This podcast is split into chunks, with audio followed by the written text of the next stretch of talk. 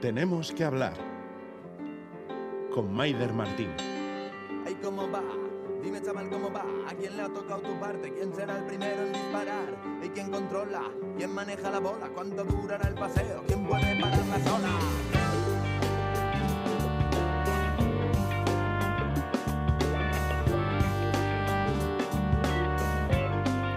Hola, Lam, ¿cómo les va? A mí aquí me tienen tejiendo con palabras un nuevo tenemos que hablar.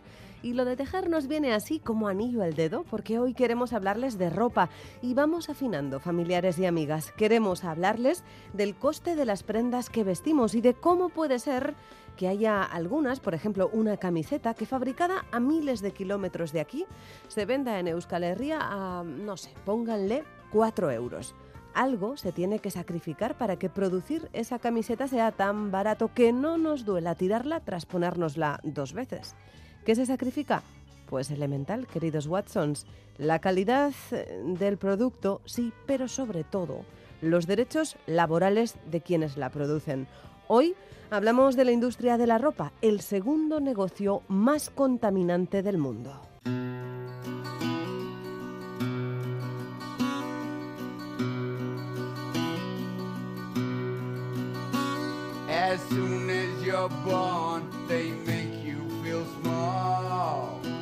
Dice la poeta Patricia Olascoaga que detrás de una camiseta de 3 euros hay dos pobres, el que la compra y el que la cose.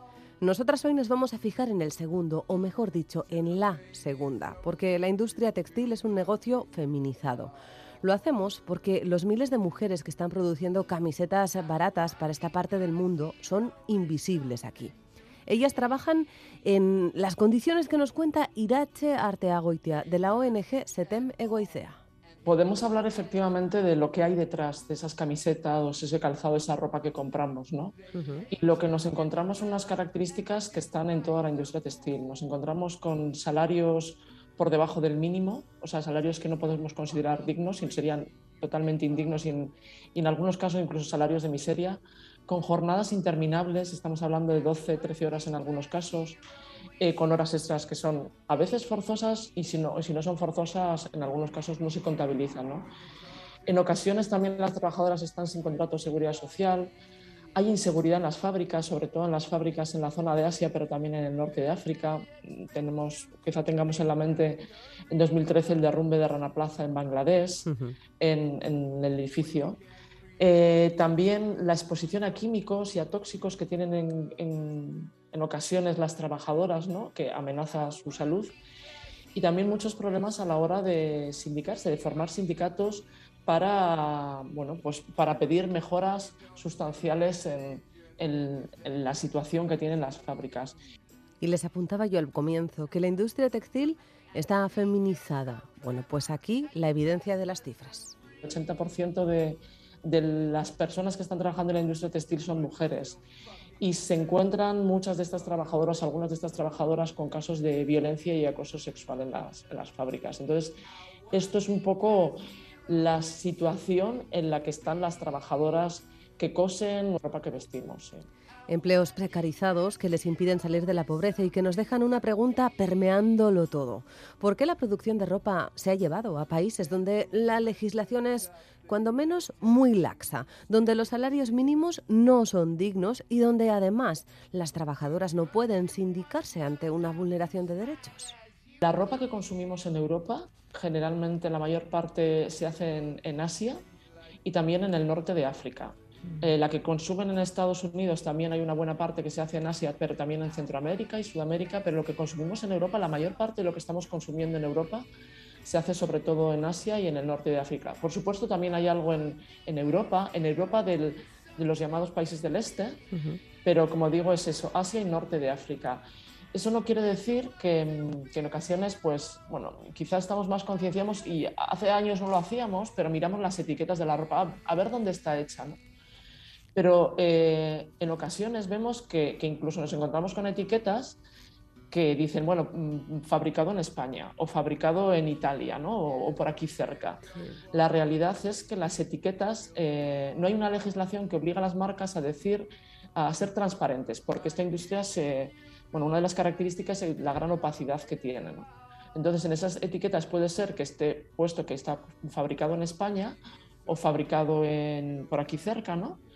Pero la realidad es que mm, el corte se ha hecho en Bangladesh, mm, las mangas se han puesto en otro país y finalmente como la última parte del proceso de producción se ha podido hacer en España o por aquí cerca. Pues vamos a concretar la realidad. Aquí consumimos ropa de Bangladesh, Camboya, Indonesia, Malasia, China, India, Marruecos y Argelia. Las mujeres que trabajan en este tipo de industria textil lo hacen hasta los 45 años máximo. ¿Por qué? Pues porque las condiciones en las que trabajan son tan, tan duras que esta industria las enferma. Poco a poco van adquiriendo distintos problemas de salud también problemas también a nivel físico y a nivel de, musculatura y todo, porque son trabajos en general muy repetitivos, en unas máquinas eh, y, además sin grandes espacios y todo, que, en muchos casos problemas de vista también, problemas de, de asma, problemas pulmonares, por un lado, porque cuando hay no solo por los tintes y también donde en las fábricas donde se producen los cortes y el cosido sale un polvillo Mm. de las prendas, de las mm. máquinas, que las mujeres nos dicen, ¿no? Mm, si estamos haciendo prendas de color rojo, o sea, como que te vas de allí y toda tu ropa está impregnada de color rojo, ¿no? Y te suenas la nariz y también sale ese polvillo rojo. Pero también, o sea, cuando hablaba antes de, de, de los problemas en la salud laboral, también por los tóxicos que utilizan, tenemos que mencionar el sandblasting, que es una técnica para desgastar en, la tela vaquera, que cuando nos compramos estas telas vaqueras, bueno, pues se utiliza la arena de sílice y lo que produce, si no lleva la suficiente la protección, perdón, es silicosis, que la silicosis es la enfermedad que, tenían antiguamente o que se tienen cuando trabajas en la industria minera, efectivamente. Bueno, pues imaginemos en la industria minera, pues se estaba contabilizado que entre 5 y 10 años mm, después de 5 o 10 años trabajando podías tener silicosis, utilizando esta técnica, hace años que, desde, bueno, pues hace como 7, 8 años lo, estuvimos denunciando, en menos de un año utilizando el sandblasting, las, las trabajadoras y trabajadores tenían silicosis.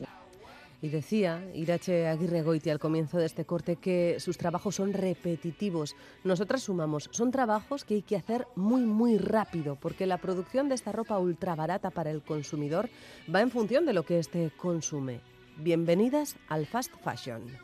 Lo que supone es mayor presión a las trabajadoras para que produzcan lo que nosotros queremos consumir en menos tiempo. ¿Eso qué significa? Que tienen que meter más horas, eso que hablaba al principio de largas jornadas interminables, eh, y como, bueno, pues mm, tienen que hacer en vez de cuatro pantalones, 20 pantalones en un día, tienen que meter más horas en unas condiciones pues bien precarias, ¿no? Entonces, para que yo pueda comprarme una camisa mm, que se ha agotado, pero mm, tres días más tarde la tengo cuando está siendo producida en Bangladesh, tengo que pensar un poco qué tiene que suponer para la trabajadora, que son muchas más horas, y además el impacto también medioambiental de algo que viene de tan lejos ¿no? y, tan rápido, que algo que se nos agota en, en 15 días lo, lo, volvemos a tener. Y fast fashion también supone que hace décadas teníamos, había, en la industria de la moda había como cuatro temporadas de ropa, más o menos. Ahora estamos hablando que hay casi entre 26 y 36. O sea, nos podemos imaginar la cantidad de ropa que se produce eh, y lo que eso supone también, no solo para las trabajadoras a nivel de derechos humanos laborales, pero también pensemos a nivel medioambiental, ¿no? O sea, el impacto de toda esa ropa que se produce, eh, a dónde va toda esa ropa que desechamos, eh, los tóxicos que se están utilizando también para producir esa ropa. Bueno.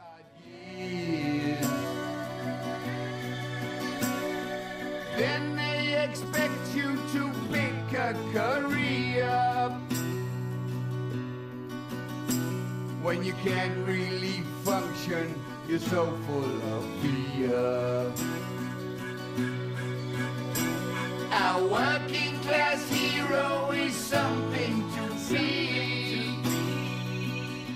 La industria de la moda mueve al año 2,4 billones con B de euros. Hay, por tanto, más que margen económico para hacer las cosas de otro modo.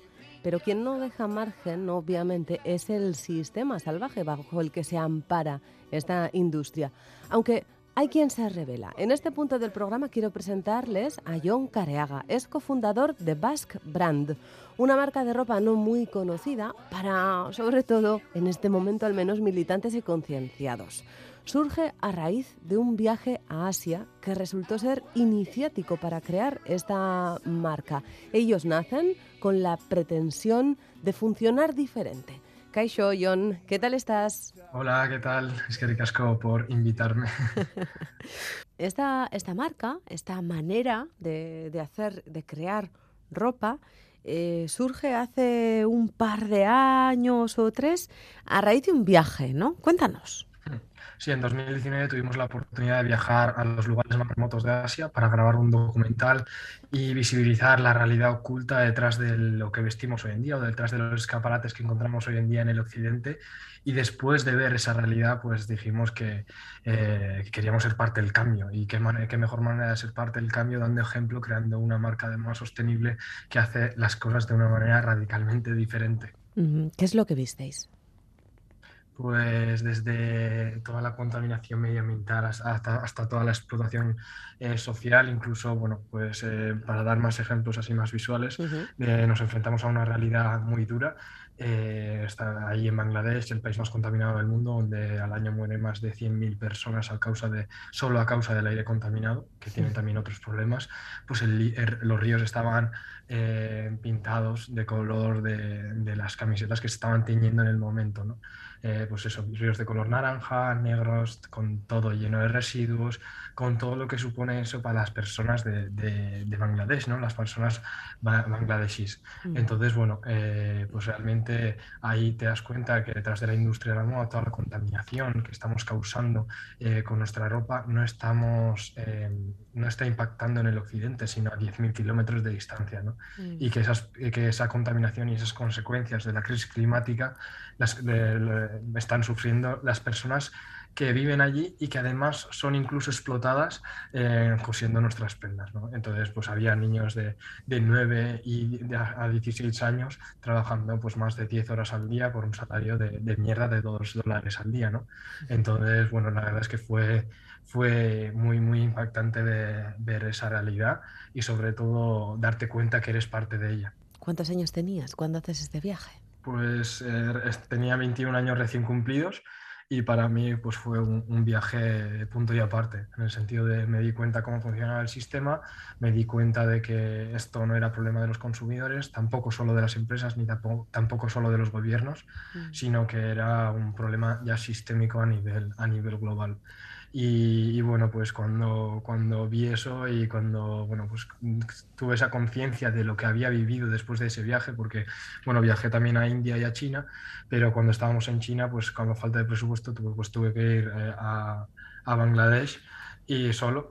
Y eh, bueno, pues esa, esa realidad y cómo afronté esa realidad y cómo viví esa experiencia, pues me hizo, me hizo cambiar absolutamente todo la manera de pensar. Y, bueno, pues fue como, pues estuve cuatro días y el, momento que me monté en el avión, me acuerdo como empezar a llorar, asimilando, después de asimilarlo, todo lo que había vivido, que en el momento no era capaz de vivir, de ser consciente de lo que estaba viviendo, porque iba todo como súper rápido, tenía que grabar muchísimas cosas, tenía que hacer un montón de cosas, estaba como los cinco sentidos puestos y sin tiempo para reflexionar, ¿no? Mm. Entonces cuando fue, fue cuando me monté en el avión que de repente estallé no sé si tenías, teníais en la cabeza eh, fundar Basque Brand eh, cuando hicisteis el viaje o simplemente em, queríais hacer este docu y eh, la idea de Basque Brand surge a raíz del propio documental. Sí, exacto. La cuestión, si teníamos ideas en la cabeza de, pues eso, éramos conscientes del impacto de la industria de la moda, pero no conocíamos, no conocíamos realmente el qué significa la sostenibilidad, qué significa dar una solución a la industria de la moda. No teníamos ni idea. Entonces, bueno, este viaje nos ayudó a entender que, y luego lo que viene detrás también, ¿no? Porque este ha sido un proceso a la hora de, este proceso para conseguir eh, la sostenibilidad, como lo definimos ahora, pues han pasado diferentes etapas que nos hemos dado bien de tortas, muchísimas. muchísimas leches eh, para aprender lo que realmente significa la sostenibilidad. Y, bueno, entonces, eh, bueno, eh, después del confinamiento, bueno, tuvimos también la oportunidad de, ir de nuevo a Bangladesh para crear un proyecto social allí, que después la pandemia nos pilló en pleno, o sea, cuando estábamos haciendo, bueno, pues, digamos en Bangladesh haciendo este proyecto y nos pilló la pandemia y aprovechamos, tuvimos que volver. Y aprovechamos ese confinamiento, bueno, el confinamiento para, eh, bueno, pues fijar las bases de la cooperativa y crear la cooperativa entre, entre los tres socios que somos ahora, que, que es Miquel y Maggi, que son de y de Endaya. Una cooperativa que trabaja en la industria de la moda, pero de manera radicalmente distinta. Así lo has definido tú. ¿Cómo, cómo, se es radicalmente distinto, John? Bueno, pues en, eso estamos, de, de, intentar seguir aún más eh, con, la, con, la transparencia, intentar ir siempre un paso más allá. Incluso hemos puesto las coordenadas de dónde se hace cada paso de la cadena de producción e incluso, e incluso hemos puesto en los costes de cada prenda. Es decir, pues si alguna prenda te cuesta 32 euros, pues cuánto nos cuesta a nosotros producirla, ¿no? Ya que, bueno, pues si estamos orgullosos de nuestra cadena de producción, ¿por qué no ponerlo? Claro. Y por último, pues tenemos que ser sostenibles económicamente, ya que, eh, bueno, pues esto, todo lo demás no tiene sentido y no se podría concebir si no conseguimos eh, que la empresa sea rentable económicamente, ¿no? Mm, ¿Y cómo os va? ¿Sois rentables? Pues la verdad es que, bueno, ahora mismo tenemos en cada uno un, sueldo de 300 euros. Eh, la verdad es que no, eso no es rentabilidad para nosotros, para nadie, de hecho.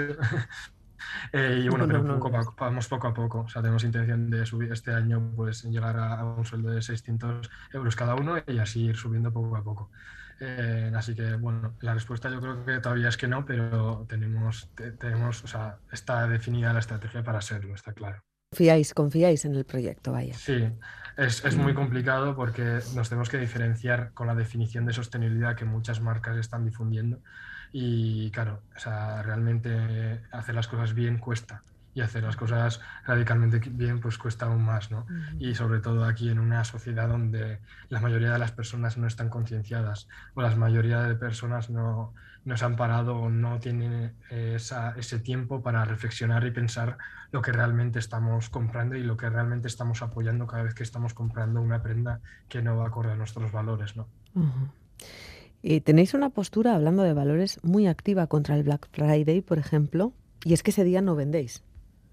Exacto. Sí, el año pasado cerramos la tienda eh, y la verdad es que eh, lo veíamos muy claro. Y esta, este año pues le hemos dicho, mira, vamos a cerrar la tienda, pero vamos a hacer que todo el mundo se entere de que hemos cerrado la tienda y que estamos en contra del Black Friday y, queremos difundir nuestra, nuestra voz ¿no? y llegar a más personas. Entonces, bueno, cerramos la tienda durante toda la semana de Black Friday, eh, nos posicionamos con un mensaje muy claro, como no compres ni siquiera en Basque, porque todos sabemos lo que supone que una prenda, una marca pueda hacernos descuentos del 50%, ¿no? Si al final tú tienes márgenes justos, eh, no puedes hacer ese tipo de descuentos.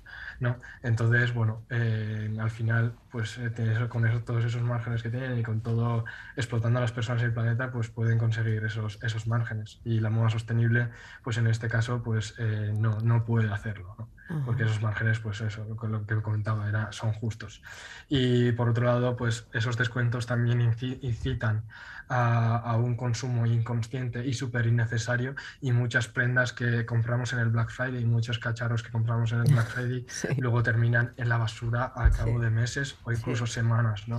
Porque es una compra inconsciente, incluso no necesaria. Entonces es como que compro, pero luego me doy cuenta que no necesito o lo uso una vez y luego me he aburrido, entonces eh, eh, lo tiro. Entonces es una estrategia que muy clara de cómo funciona el sistema actual, cómo funciona el, consumismo, digamos, y, nosotros estamos en contra de, todo tipo de consumo inconsciente, incluso sobre todo el Black Friday.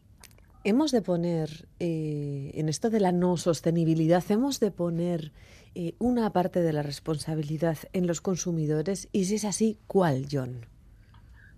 sí, La cuestión es que no podemos culpabilizar al individuo por, por no tener esa, bueno, no, no, le llamaría capacidad, sino tiempo para reflexionar. ¿no? Vivimos en una sociedad que todo va a toda leche, todo, bueno, eh, todo va súper rápido, llegamos a casa, tenemos que, eh, después del curso, después de estar ocho horas currando, y, y, yo no voy a pedir a que la gente eh, se pare a reflexionar. O sea, a pesar de que sea necesario y que tengamos que hacerlo, yo no voy a exigir eso. Sí que igual voy a pedir, pero no voy a exigir que, que nos paremos a, reflexionar cuando nuestra vida ya es así, o sea, complicada de por sí, ¿no?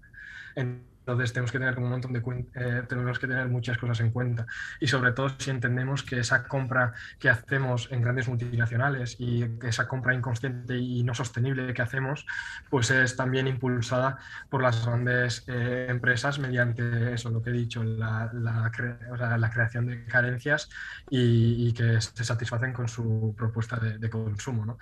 Pero obviamente eh, cada vez que estamos comprando estamos votando a qué tipos de empresa, qué tipo de empresa queremos que sea parte de nuestro futuro.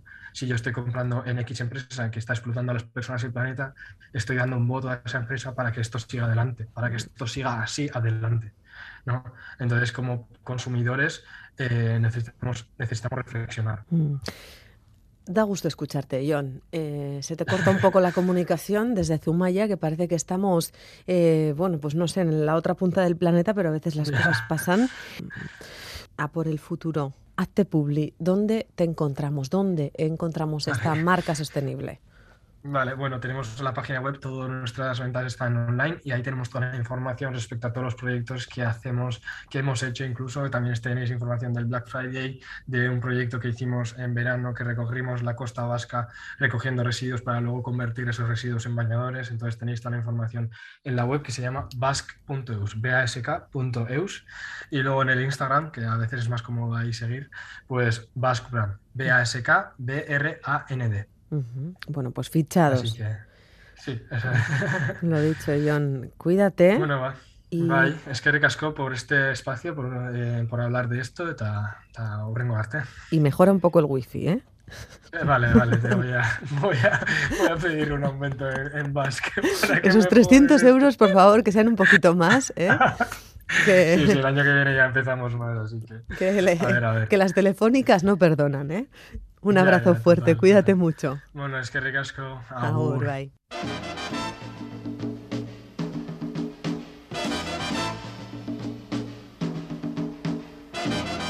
Breaking rocks out here on the chain gang. Breaking rocks and serving my time. Breaking rocks out here on the chain gang. Cause they done convicted me of crime. Hold it steady right there while I hit it. Well, reckon that ought to get it. Been working and working, but I still got so terribly far to go. Y The Basque Brand y su fórmula transparente de crear ropa, una marca a la que por cierto deseamos un brillante futuro, nos vamos ahora a visitar a quien concibe el proceso de crear una prenda como algo artesanal.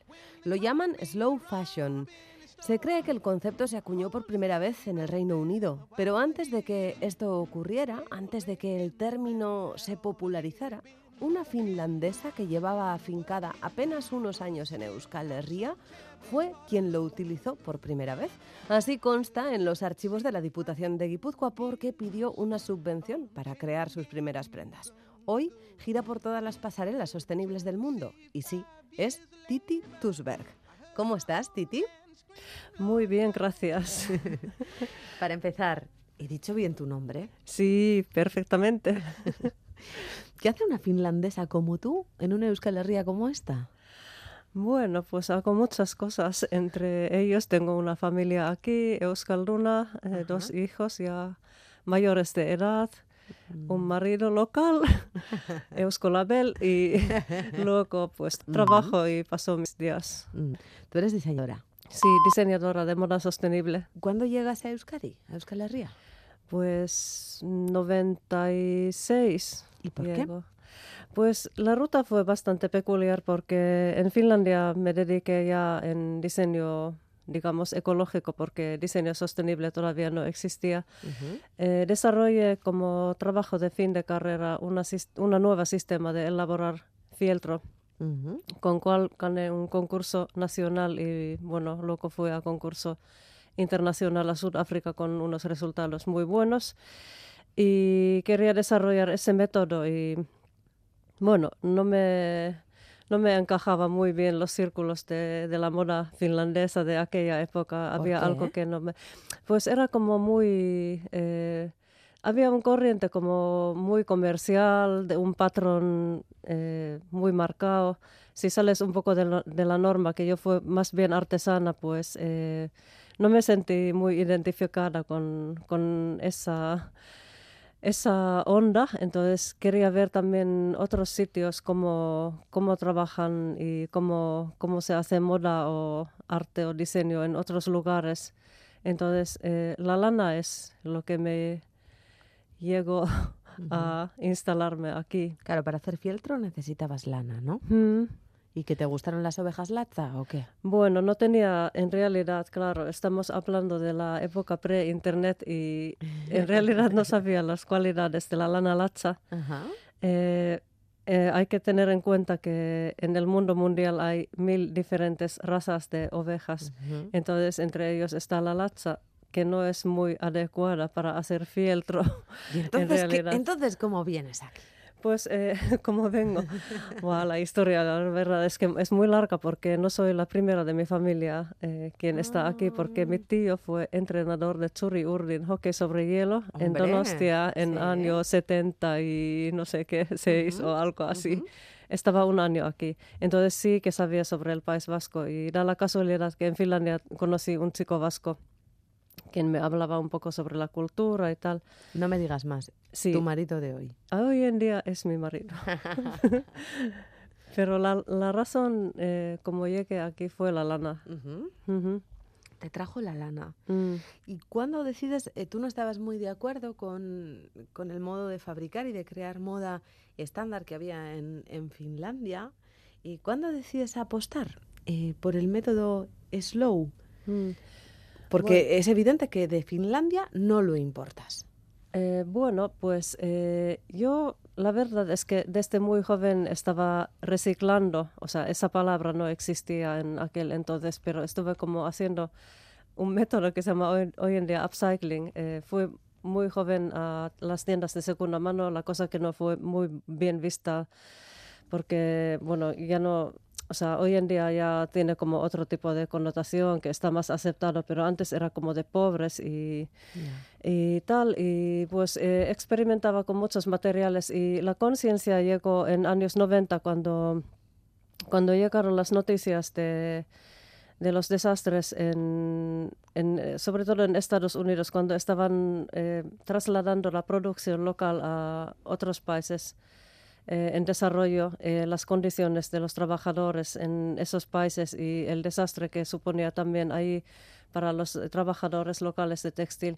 Entonces, en, en mi escuela de diseño empezamos a hablar entre los estudiantes sobre esa esa insostenibilidad que, que está alrededor de, de, la producción de objetos de moda y de ahí venía ya la concienciación y mi trabajo de fin de carrera trataba de un método que hoy en día se puede hablar como o llamar como kilómetro cero, es decir, una materia prima local eh, con unos tintes de plantas del bosque de al lado en que utilizaba para desarrollo de, de ese método. Y, y luego también teniendo en cuenta que la prenda que desarrollé fue reversible, entonces tenía esa función también y los decorados eh, funcionaban también como, como refuerzo de ciertas zonas, como por ejemplo mm, las zonas delantales de la prenda, de la chaqueta.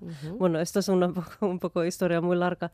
Eh, luego empezaba a hacer otro tipo de cosas como por ejemplo ya artísticas, eh, exposiciones, también pasarelas a nivel mundial, internacional. No sé si te he respondido porque se me, ha, respondido. Muy bien. Desviando. no, no, está bien, está bien. Desviar además nos lleva por senderos, ahora que tú has hablado de producción local y de trabajar con el bosque de al lado, ¿no? como, como aliado. Bueno, desviarnos nos lleva por otros senderos que también tenemos que, conocer, ¿eh? Todo, todo es por algo. Em, vaya, y lo que defines, ¿no? Eso de trabajar con, con cuestiones, con materiales kilómetro cero, es la base del método Slow, ¿no? Sí, debería ser. Lo que pasa que yo creo que se está desvirtuando un poco últimamente. A día de hoy, sí, actualmente. Sí, sí, porque bueno, hay también bastante, como se dice, un lavado verde, greenwashing, como se dice en inglés.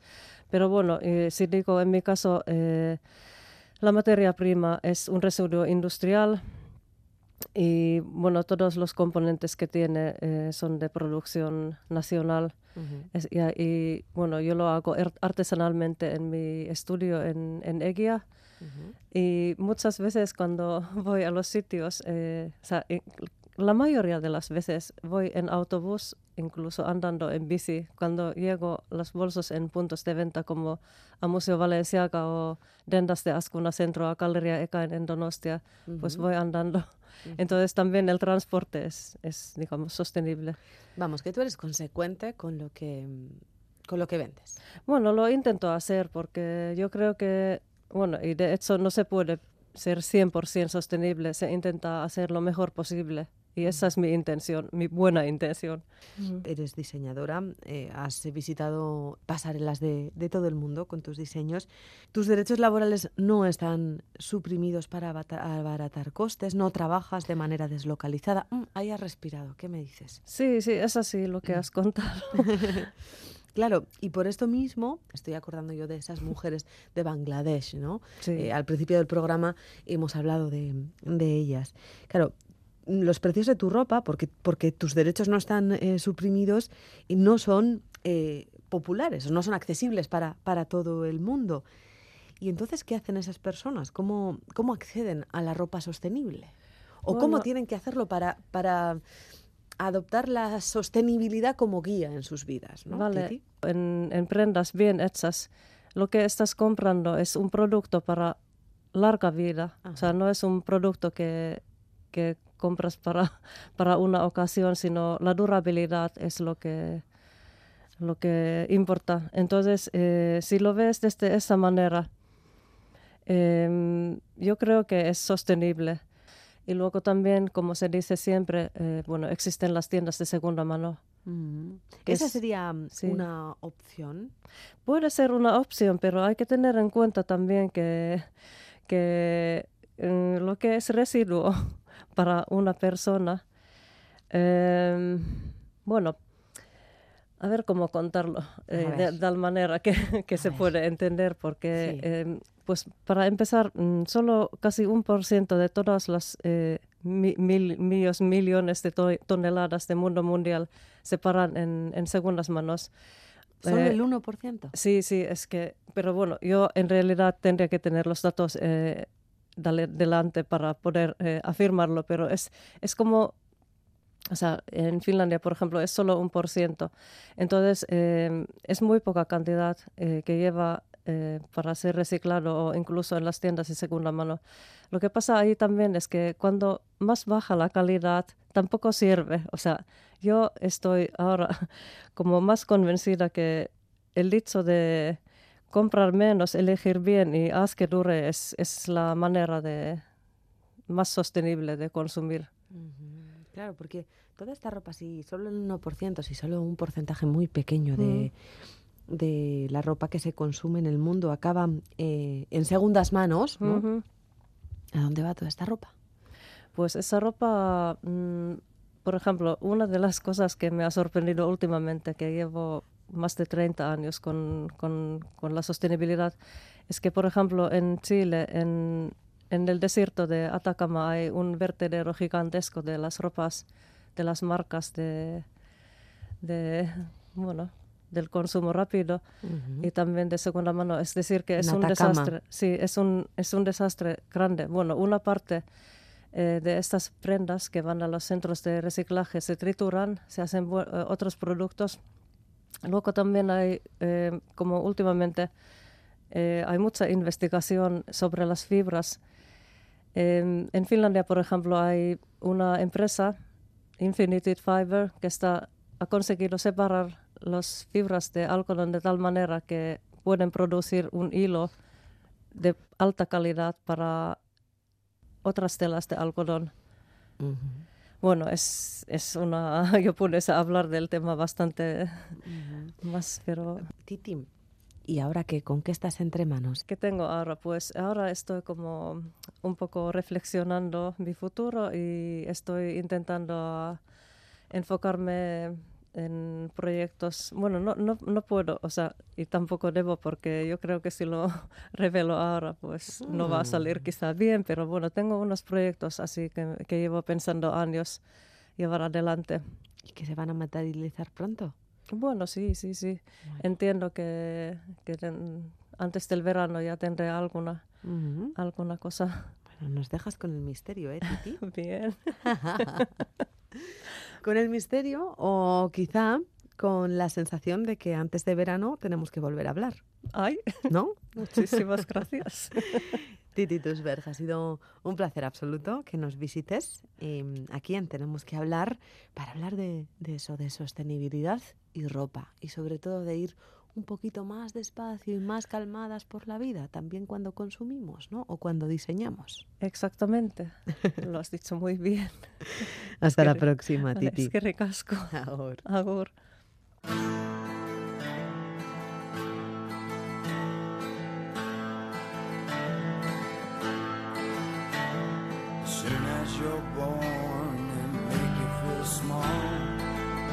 Decía Titi que está reflexionando sobre su futuro para enfocarse en nuevos proyectos. Y quizá esta sea la clave también para nosotras, consumidoras, consumidores, ponerle reflexión, comprar con cabeza, no dejarnos llevar por el consumo enfermizo, pensar en los Working Class Hero, como dice esta canción. Con ella hemos comenzado el programa y con ella lo terminamos. Saben de sobra que es uno de los temazos de Lennon, pero a nosotras no nos gusta dárselo todo mascado, por eso hemos escogido la versión de Ozzy Osbourne para abrir y la del inmensísimo, profundísimo Mark Lanegan para cerrar. Bueno, Screaming Trees en este caso, que con la música, las palabras siempre, siempre entran mejor. Y ya saben, esa cierta delicadeza en la fórmula también es la que nos mueve. Pero no olviden eso, hablemos, hablemos de lo que no se habla. Tenemos que hablar para encontrarnos. Ondo y Bilim.